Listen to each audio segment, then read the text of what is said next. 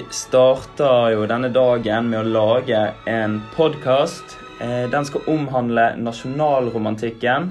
Og hva er vel bedre å starte dagen med litt morgenstemning?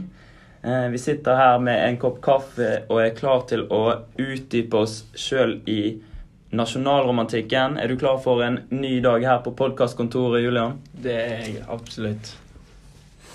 Ja, så Julian, eh, kanskje du eh, begynner å snakke litt om eh, nasjonalromantikken og hva det er, og liksom når det begynte? Jo, det kan jeg absolutt. Altså, eh, nasjonalromantikken i Norge, den startet eh, rundt 1830 eh, og varte til 1870. Og det, dette skjedde etter at Norge kom seg ut av unionen med Danmark i 1814. men de kom inn i en union med Sverige. Men det var viktig for eh, Norge at de, selv om de var i union med Sverige, så var de en selvstendig stat. og De hadde egen grunnlov. Og i denne nasjonalromantikkperioden så var det veldig viktig for Norge å bygge nasjonal identitet og bygge, bygge frem den eh, nasjonale kulturen og rett og slett drive og bygge nasjonen fram. Mm. Og det er jo i likhet til hva resten av Europa gjorde på denne tiden. Så Norge prøvde liksom å være med på å bygge sin egen kultur og identitet. Ja, på denne tiden i Europa så var alle opptatt av å vise sin eh, stolthet og identitet og kultur. Storm, eh, hvordan eh, startet nasjonalromantikken? Nei, i Norge så eh, var det Johan Gottfreid von Herder eh, som begynte å starte nasjonalromantikken. Eh, han mente at eh, man burde være en egen nasjon og ha sin egen kultur. Eh, og da begynte de å finne frem legender, kunst og håndverk og litteratur og sånn som var fra middelalderen. Eh, og så begynte de å dra rundt i, i, Norge, fordi det var mye nasjonalromantisk kultur på bondegårdene i Norge. Selv om de var i union med Danmark, mm. så var det mye som ble fremhevet på eh, gårdene. De hadde sine egne kulturer i forhold til hvordan det var å leve i byene.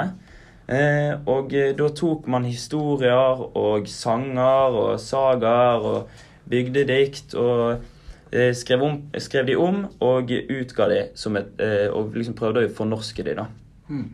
Og midt under denne tiden, når vi prøvde å bygge eh, Norge og norsk kultur, eh, så ble jo det en liten strid mellom det danske og det norske. For vi hadde jo vært i union med Danmark utrolig lenge, og det var jo folk som alle, De fleste snakket jo dansk, og det var jo litt sånn uenigheter mellom hvem som hva vi skulle snakke. Ja. Eh, så kan du utdype litt om det, Julian? Ja, absolutt. Det, oppstod altså en uenighet der, og eh, det var noen som ikke ville eh, ikke bare ville bygge på den norske kulturen og det bondesamfunnet og de fortellingene og sagaene fra det norske. Det var en gruppe som kalte seg for Intelligensen, eh, der eh, Johan Sebastian Welhaven var lederen. Og de var opptatt av den, at den danske kulturen skulle være mye større involvert i byggingen av uh, ja, synet på nasjonal idealismen til Norge.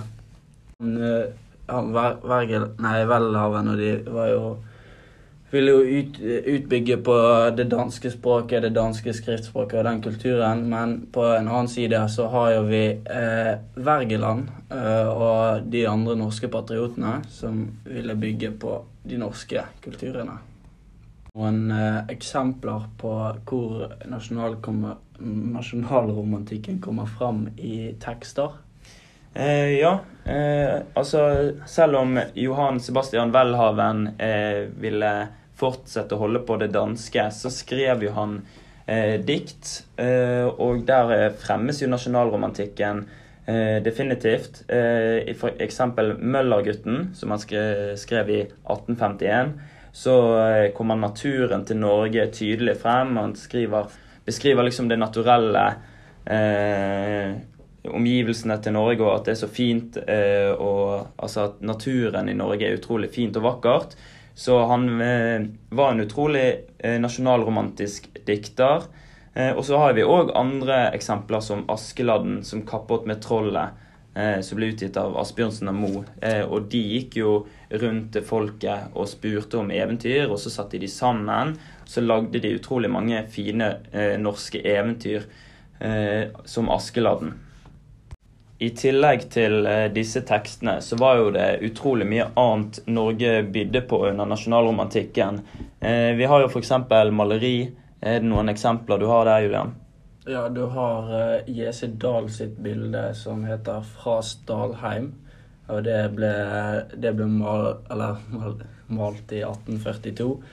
Der viser han eh, dramatisk vestlandsnatur, høye fjell, dype daler, åser, fossende elv, tømmerhus, bønder. Alt eh, Norge har å by på, bygger Norge som nasjon virkelig frem. Viser et romantisk bilde av den norske naturen som var på den tiden. Han får jo òg med liksom, en bunadskledd eh, setersjente, Ja. som òg eh, bygger på dette. Eh, I tillegg har jo vi eh, Tidemannsbildet. Ja, det er jo legendarisk. Eh, altså, en, altså en gruppe haugianere som møtes i en eh, liten røykstue i Hardanger. Stille og alvorlig, men skikkelig pene antrekk og forskjellige Mm. folkedrakter. Og ja, norsk folkeliv på sitt beste. Mm. Han får skildret det godt. Det Ja. får han. Viser bondesamfunnet og ja. Mm.